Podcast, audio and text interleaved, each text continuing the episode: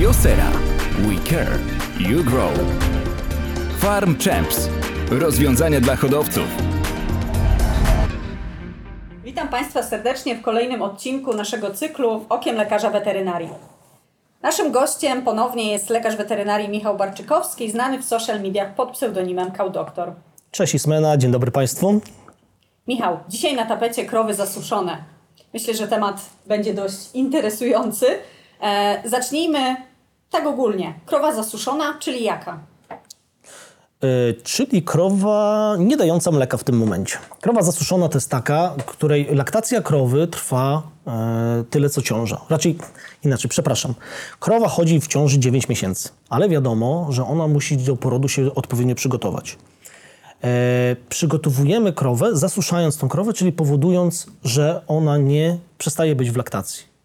E, optymalnym e, takim czasem jest e, czas od 6 do 8 tygodni, żeby krowa mogła odpocząć i przygotować się do, do porodu. Czyli krowa zasuszona to jest taka krowa, która w tym momencie, która jest w ciąży, ale w tym momencie nie daje mleka. Czy uważasz, Michał, że krowy zasuszone to, tak potocznie mówiąc, królowe każdego stada? Czy są traktowane w sposób szczególny? No, tak jak e, traktujemy e, kobiety w ciąży, tak samo powinniśmy traktować e, krowy w ciąży, czyli z należytym szacunkiem i delikatnością. A krowa zasuszona, ze względu na to, że ma już bardzo, już dużego cielaka w sobie, no musi być traktowana naprawdę wyjątkowo. Okej, to teraz może trochę bardziej merytorycznie, czyli Dobrze. co dzieje się z wymieniem w czasie zasuszenia? E, No, wymie w okresie zasuszenia zaczyna odpoczywać od e, swojej pracy, tak? Wiemy, że w czasie laktacji przez wymie przepływa ogromna ilość e, krwi po to, żeby w tkance, w tej tkance wymienia było produkowane, produkowane mleko. W przypadku i, i tym samym okres laktacji jest wyczerpują, no wyczerpujący może nie, to jest złe słowo, ale bardzo dużą, dużą ilość pracy musi wykonać wątroba i inne narządy wewnętrzne y, w czasie laktacji. Czyli to jest, takie, to, jest bardzo silna praca. No i każdy, kto bardzo ciężko pracuje, y, musi odpocząć. I właśnie dlatego mamy y, wymie w okresie zasuszenia luźne, ono już jest, ono nie daje, nie daje mleka po to właśnie, żeby mogło zregenerować się, żeby mogły się zregenerować nabłonki, żeby mogło się zregenerować całe wymie i przygotować się do następnej ciężkiej pracy, czyli do następnej laktacji. Jeżeli mówimy o okresie zasuszenia, to myślę, że nurtujące każdego hodowcę pytanie, zasuszamy z antybiotykiem czy bez? O to zależy. To zależy, tutaj nie ma jednej odpowiedzi. Jeżeli chodzi o sposobów zasuszenia jest kilka, bo wiemy, że co trzeba, zro- co trzeba zrobić, żeby zasuszyć krowę? Przede wszystkim trzeba zmienić jej żywienie. Bez tego się nie da. Tu nie, bez, tu nie zabezpieczy tego żaden e, lek ani żaden antybiotyk. Były oczywiście leki na rynku polskim, które po podaniu ich y, hamowały laktację. Nie ma, nie ma tych leków, więc tutaj tylko i wyłącznie zostaje nam sposób e, żywienia. Kiedy już ten sposób żywienia jest e, wykonany, czyli ta, krowa już daje bardzo mało mleka, wtedy możemy ją zasuszyć. Zasuszyć to znaczy ostatni raz wydoić. I czy my robimy to z antybiotykiem, czy bez? To zależy, czy dana krowa miała wysokie komórki somatyczne w okresie laktacji. To jest pierwsza rzecz. Jeżeli były wysokie komórki somatyczne, no tutaj można by było e, zastosować antybiotyk. Ale jaki antybiotyk? Tego nie robimy nigdy w ciemno.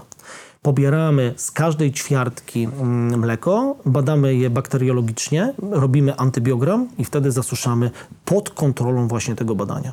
Czyli odpowiednim antybiotykiem, który mamy duże prawdopodobieństwo, że zadziała na te patogeny, bo e, stuprocentowej pewności nie mamy nigdy.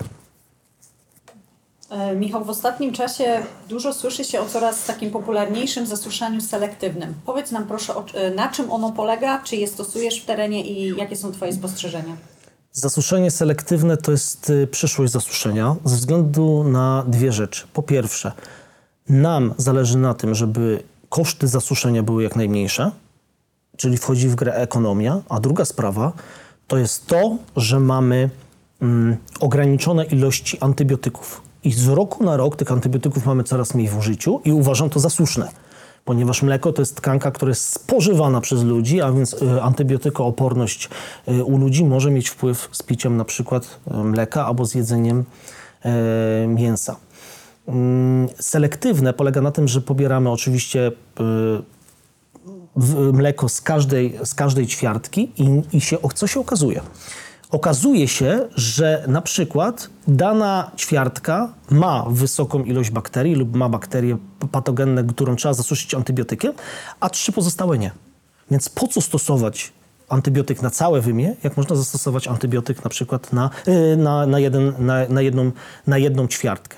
Poza tym y, tutaj terapia mm, taka selektywna jest też oparta na tym, że jeżeli nie zasuszamy antybiotykiem, to podajemy y, specjalne, no, można by to nazwać czopy. To są takie, e, to są takie mm, substancje, które uszczelniają kanał strzykowy, dzięki czemu patogeny nie, nie, w czasie zasuszenia nie mogą dostać się do środka, czyli tak zabezpieczają bardzo mechanicznie to, e, ten strzyk.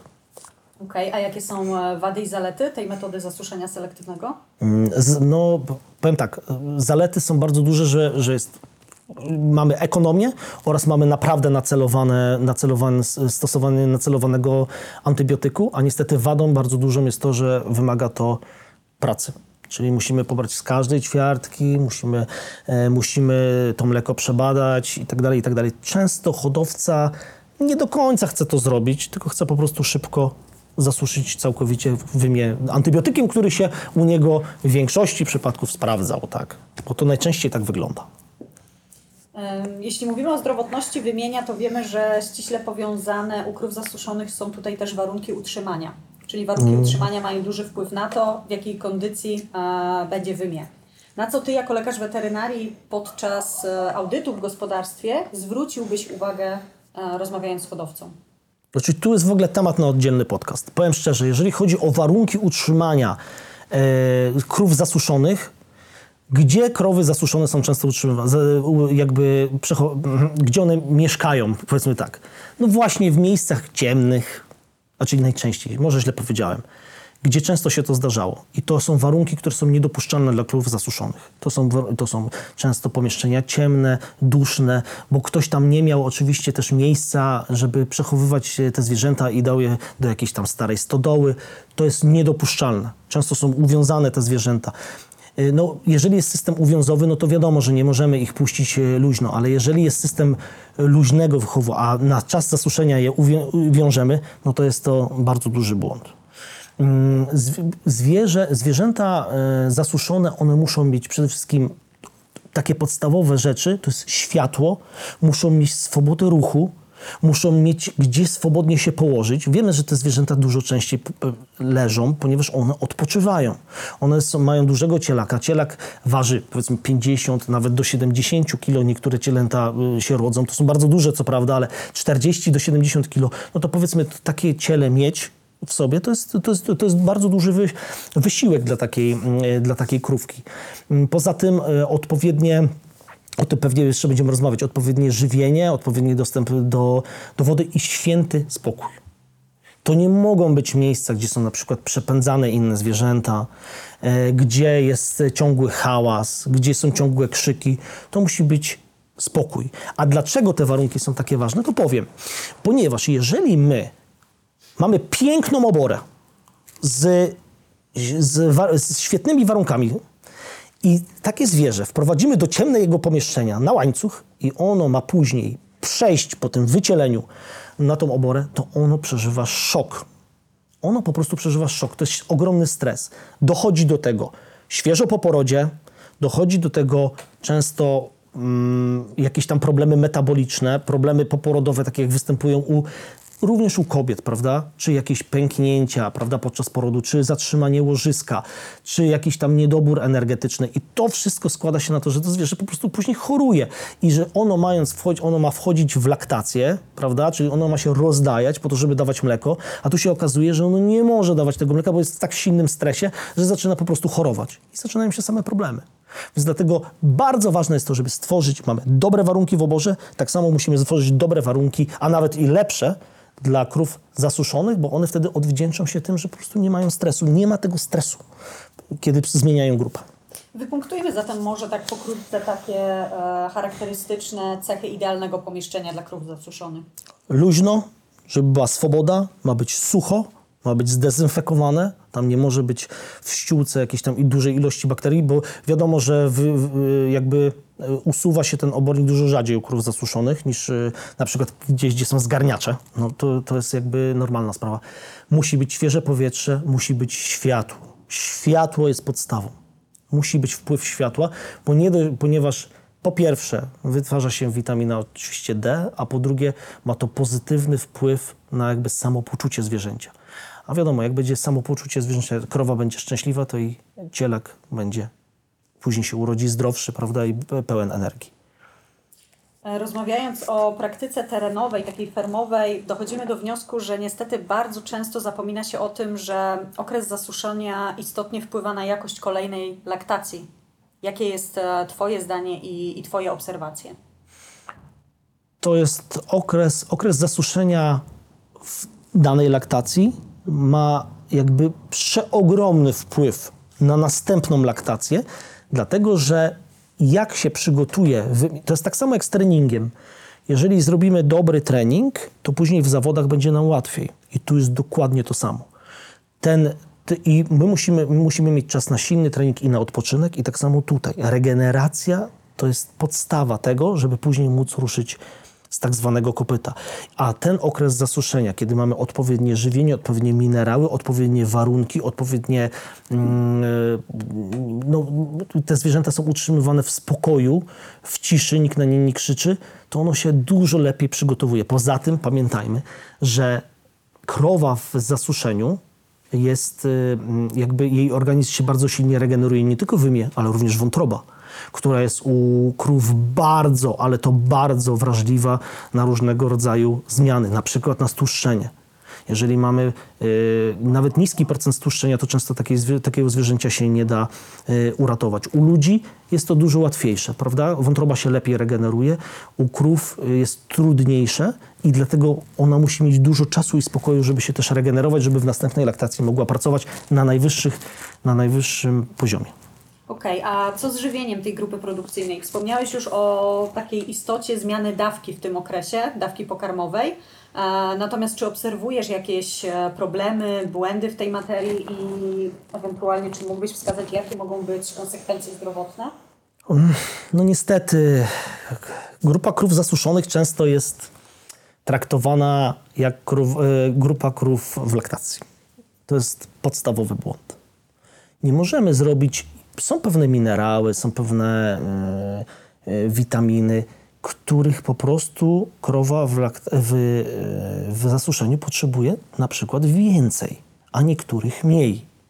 I teraz musimy to dobrać do, do, do, do grupy produkcyjnej. Po to są na przykład premiksy i po to są mieszanki mineralno-witaminowe przeznaczone dla danej grupy, ponieważ to były ogromne ilości badań i ogromne ilości doświadczeń, żeby to dopasować.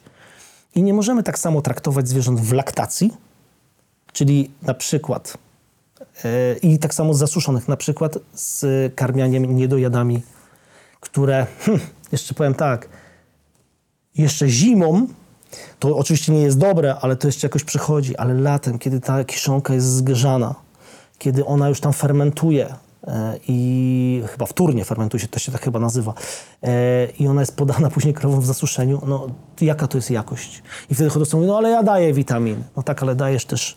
A pamiętaj o tym też, że jeżeli jest TMR, to w tym TMR-ze to są witaminy dla krów w laktacji i pewny, z pewnymi rzeczami można albo przesadzić, albo może być ich niedobory. Dokładnie i zapotrzebowania tych krów w poszczególnych grupach produkcyjnych są inne. Pamiętamy, że mamy zapotrzebowanie bytowe i chociażby Dokładnie. krowa właśnie produkuje mleko, to zapotrzebowanie jest inne i podobnie właśnie w okresie zasuszenia. Dobrze, przejdźmy teraz do tematu stricte weterynaryjnego. A jeszcze chciałbym dodać, przepraszam, że ci przerwę, ale to jest bardzo, ważne, to jest bardzo ważna sprawa. E, Jeżeli chodzi jeszcze o zasuszenie, to nie powiedziałem o jednej bardzo ważnej rzeczy. Często zasuszenie jest traktowane jako zasuszenie jako jeden okres. Jeden okres zasuszenia to nie jest, raczej okres zasuszenia dzieli się na dwa okresy. Pierwszy okres zaczyna się w momencie, kiedy krowa przestaje dawać mleko, a drugi okres to jest tak zwany okres przygotowawczy. I ten okres przygotowawczy, chyba tu się nie pomylę, trzy tygodnie powinien trwać, tak? I ten trzytygodniowy okres, y, okres y, przygotowawczy. I wtedy to ma jakby sens i przygotowanie od... Bo pamiętajmy o jednej rzeczy. Żwacz to nie jest taka prosta sprawa. I to, co się dzieje w żwaczu, bakterie, grzyby i wszystko inne, mikroorganizmy, nazwijmy je ogólnie, one muszą przez to, wielkość kostków, e, tych mm, kostków w żwaczu, e, brodawek, przepraszam, właśnie, przepraszam, wyleciało mi z głowy, e, musi się przystosować do danego żywienia. I na to potrzeba czasu.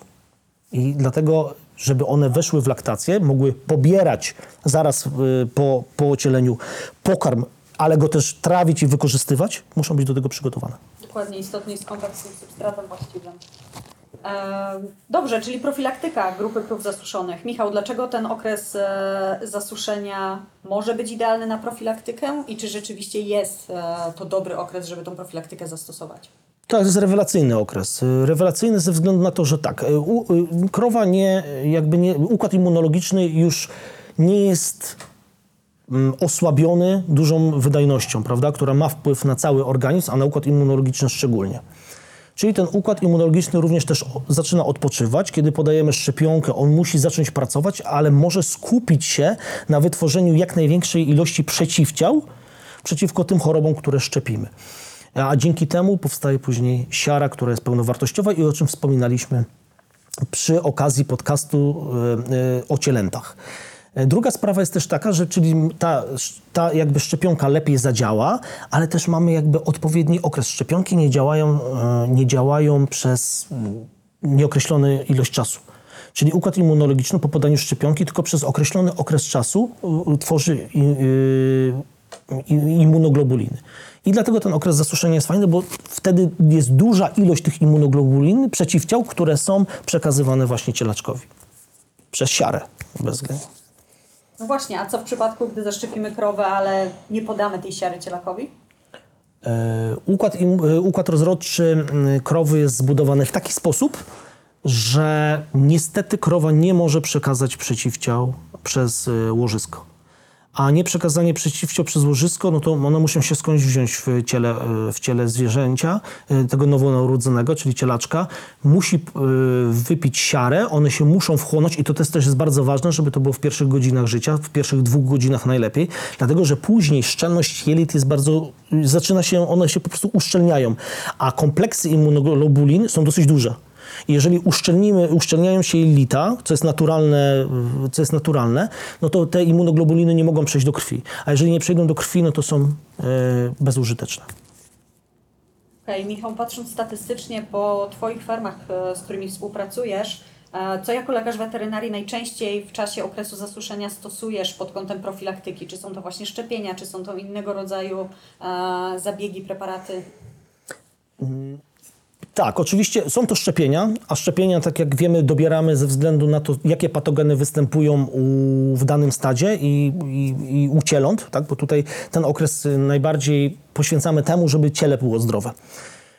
Yy, Druga sprawa jest taka, że odrobaczamy zwierzęta często w okresie zasuszenia, chociaż teraz powiem szczerze, że odro- odrobaczamy już całe stada dywanowo, ponieważ yy, na przykład yy, takiego pasożyta jak Ostartagia było tak dużo w, w, w organizmach tych zwierząt, że musieliśmy zwalczać, yy, musieliśmy ją zwalczać, więc, bo ona wpływa też bardzo silnie, oprócz tego, że męczy organizm, wpływa na układ immunologiczny, to jeszcze wpływa tym samym na wydajność, prawda? Więc tutaj hodowcy często widzą, że po takim kompleksowym odrobaczeniu one są po prostu lepiej, lepiej wydajne.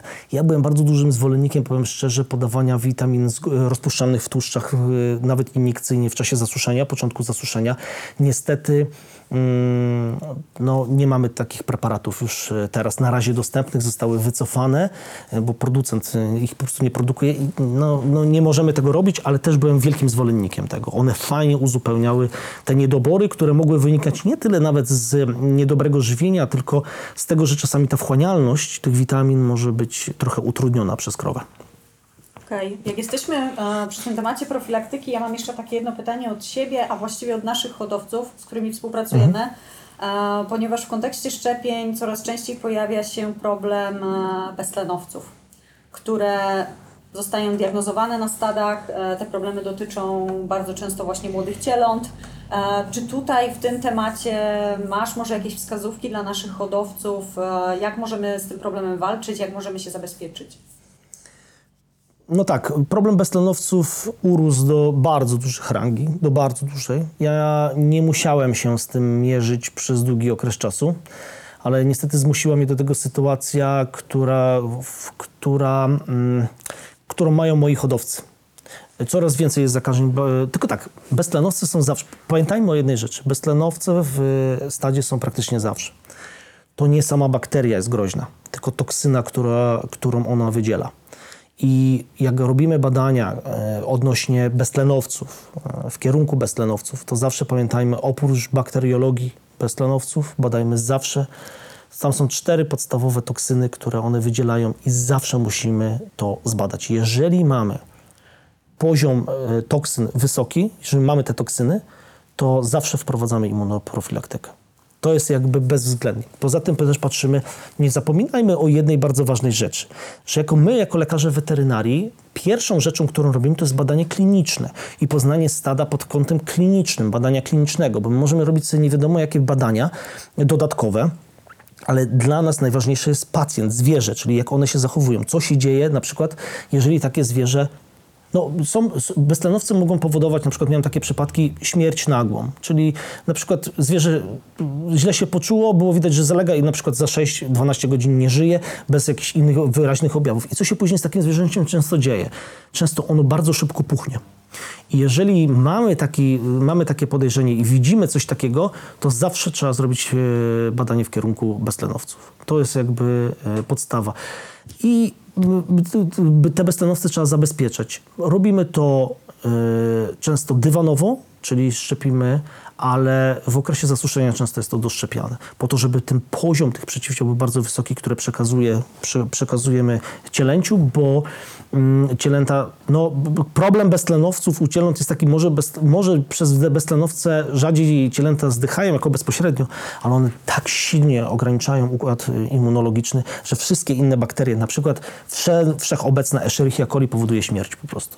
Dlatego beztlenowce, zresztą ja pamiętam, e, pamiętam przypadek, w którym e, dzwoniłem do ciebie e, konsultować, prawda? Ponieważ jedna strona to jest strona weterynaryjna, ale druga strona to jest strona żywieniowa. Tutaj też trzeba dobrać odpowiednio mleko. Mleko musi być odpowiednio dobrane, ten mleko, preparat mleko zastępczy, żeby organizm mógł walczyć, walczyć odpowiednio z, z tymi bakteriami.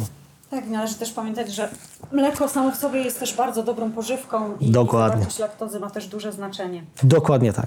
E, dobrze, a podsumowując, e, szczepienia w przypadku beztlenowców są skuteczne, dają radę? Da, y, tak, są skuteczne. Uważam, że są skuteczne. Chcielibyśmy wyższych skuteczności w przypadku każdych szczepień. E, niestety, no, jak wiesz, y, to zależy dużo od organizmu e, i od żywienia. Jeżeli dane stado jest dobrze dożywione, jeżeli dane stado jest dobrze zaopiekowane weterynaryjnie, tak pod względem też również y, innych rzeczy, na przykład, tak jak mówiłem, odrobaczenie, co jest mega istotne, no to wtedy te szczepionki działają lepiej i wtedy naprawdę te efekty są. Jeżeli ktoś ma przysłowiowy syf i nie chce z tym nic zrobić i tylko zaszczepi, to gwarantuję, że te szczepienia może ograniczą e, śmiertelność, ale na pewno nie ograniczą zachorowań. Okej, Michał, a takie pytanie odnośnie odrobaczenia, jak już też o tym rozmawiamy, dlaczego Twoim zdaniem tak mało hodowców pamięta o tym regularnym odrobaczeniu? Tu są dwa tematy. E, Pamiętajmy, że tych preparatów, które są e, dostępne dla, hmm, dla krów w laktacji, nie ma aż tak dużo. To jest pierwsza sprawa. E, Poza tym one są dość drogie. Po trzecie, one mają określoną karencję. A, a wiadomo, że hodowcy nie lubią długiej karencji. Dlatego idealnym rozwiązaniem, raczej idealnym, takim pośrednim, ale moim zdaniem rewelacyjnym rozwiązaniem było wprowadzenie e, odrobaczeń e, puron, czyli na skórę. Dlaczego? Dlatego po pierwsze łatwo, łatwość podania. Po drugie, krowy się mniej stresują. Po trzecie, nie trzeba ich kuć. A po czwarte, mają niską karencję. Czyli 14-15 dni po podaniu już tkanki są e, dobre do spożycia, a mleko jest zerowe. Nie ma w ogóle karencji na mleko. W przypadku no, iniekcyjnych e, te okresy karencji są, szczególnie jeżeli chodzi o mleko, są trochę dłuższe. E, Co nie, co nie ale badania pokazują, że mogą być troszeczkę bardziej skuteczne, te iniekcyjne, prawda? Tylko to trzeba wybrać, po prostu trzeba przystosować to do, do, do rynku, czego oczekuje też od nas e, klient. Bo jeżeli hodowca powie mi, wiesz co, to jest zbyt długie, e, zbyt długie, e, zbyt długa karencja, ja nie, w ogóle nie odrobaczę, no to ja wolę zastosować puron. Na wstępie scharakteryzowaliśmy mm, tak dosyć krótko krowę zasuszoną jako krowę, która po prostu nie daje mleka. Rozmawialiśmy też o tym, co jest istotne w tej grupie produkcyjnej, ale Michał, może Ty powiesz naszym słuchaczom, naszym hodowcom, jak możemy ich przekonać, że krowa, która nie daje mleka, zasługuje na bardzo dużą uwagę. No bo przypadek jest taki, jeżeli mamy krowę, która jest w zasuszeniu odpowiednio, odpowiednio traktowana, tak ona nam się odwdzięcza w czasie laktacji. I to jest prosta sprawa i prosta zasada. To jest dwa miesiące, w którym rzadko jakby nie musimy tej krowy doić, czyli ona jakby no nie musi, inaczej, nie musimy jej poświęcać tyle czasu, ale poświęćmy jej tylko czas na byt i na odpowiednie żywienie i szczepienia. I ona się odwdzięczy w następnej laktacji. I tak naprawdę z taką krową nie trzeba dużo pracować. Najważniejsze, żeby ona miała odpowiednie warunki i odpowiednie zabezpieczenie immunologiczne, czyli szczepień i żywieniowe. Super. I na koniec proszę Cię standardowo o kilka takich kluczowych wskazówek, bardzo krótko, na co nasi hodowcy powinni zwrócić uwagę w okresie zasuszenia swoich krów. Zasuszamy, więc badajmy, badajmy mleko. Przede wszystkim, czy trzeba zastosować antybiotyk, czy nie trzeba zastosować. Jeżeli trzeba, to jaki? Druga sprawa, zróbmy warunki, to nie muszą być, y, to nie musi być wszystko wysłane, nie wiem, y, materacami i tak dalej, ale jak jest dużo słomy, jest sucho, jest dezynfekowane, o, też ta dezynfekcja z tej słomy też jest bardzo ważna, bo pamiętajmy o tym, że krowa, która y, jest w ciąży, tak jak mówiliśmy, dłużej leży. I ten, jakby te bakterie mogą łatwiej dostać się do wymienia, jeżeli ono nie jest odpowiednio zabezpieczone. Jeśli już zabezpieczymy to wymię, no to stwórzmy jej odpowiednie warunki żywieniowe i tutaj naprawdę na tym, na tym etapie trzeba się bardzo skupić. Dlaczego? Bo oprócz tego, że krowa, mm, jeżeli będzie nieodpowiednie żywienie, to ona może mieć bardzo dużo konsekwencji zaraz po porodzie. Między innymi jest to konsekwencją zaleganie, bardzo często przez nas spotykane. Konsekwencją jest zatrzymanie łożyska, konsekwencją jest ketoza i konsekwencją tego wszystkiego jest przemieszczenie trawieńca. A to wpływa na to, że krowa się nie rozdaja, tylko po prostu walczy z chorobą. A ona ma poświęcić swoją energię na to, żeby dawać mleko, a nie walczyć z chorobą. Jeżeli my zabezpieczymy ten okres okołozasuszeniowy, ja go tak nazywam, yy, to my spowodujemy, że zmniejszymy prawdopodobieństwa chorób tych zwierząt, y, tych metabolicznych, czyli ona będzie mogła się rozejść, a poza tym pamiętajmy o tym, że czas dwóch miesięcy po porodzie to już jest czas pierwszego zacielania. Jeżeli my będziemy mieli dobrze, przygotowaną, e, dobrze przygotowane zwierzę, dobrze przygotowaną krówkę w okresie zasuszenia, to nie będziemy mieli problemu z, ogólnie w stadzie z zacieleniem około 55-60 60 dnia. I ostatnie pytanie. Z którą grupą produkcyjną w stadzie Ty osobiście lubisz najbardziej pracować, a która stwarza dla Ciebie największe wyzwania e, pod kątem właśnie tej działalności lekarza weterynarii? Jeżeli chodzi o lekarza weterynarii, to grupa laktacyjna jest y, grupą, na której jakby jestem najczęściej i najczęściej z nią pracuję. E, a najwięcej problemów i najwięcej musimy się nagimnastykować jako lekarze weterynarii, moim zdaniem, z grupą cieląt. Jest to najtrudniejsza grupa, najbardziej wrażliwa, bo jeżeli chodzi o grupę zasuszeniową, która jest mega ważna, to tutaj bardziej pracuje e, hodowca razem z żywieniowcem. A my pracujemy najbardziej na grupie cieląt oraz na grupie laktacyjnej, z tym, że grupa laktacyjna jest ciut łatwiejsza, bo krowy są bardziej jakby odporne niż cielęta, a cielęta tutaj mały błąd powoduje, może powodować bardzo tragiczne skutki. Super, dziękuję Ci Michał za to merytoryczne spotkanie. Państwa oczywiście zachęcamy do współpracy ze specjalistami, jeśli chodzi o wszelkie problemy e, i różnego rodzaju tematy w stadzie. E, I myślę, że zapraszamy na kolejne podcasty, które już niebawem przed nami. Dziękuję bardzo. Dziękuję bardzo.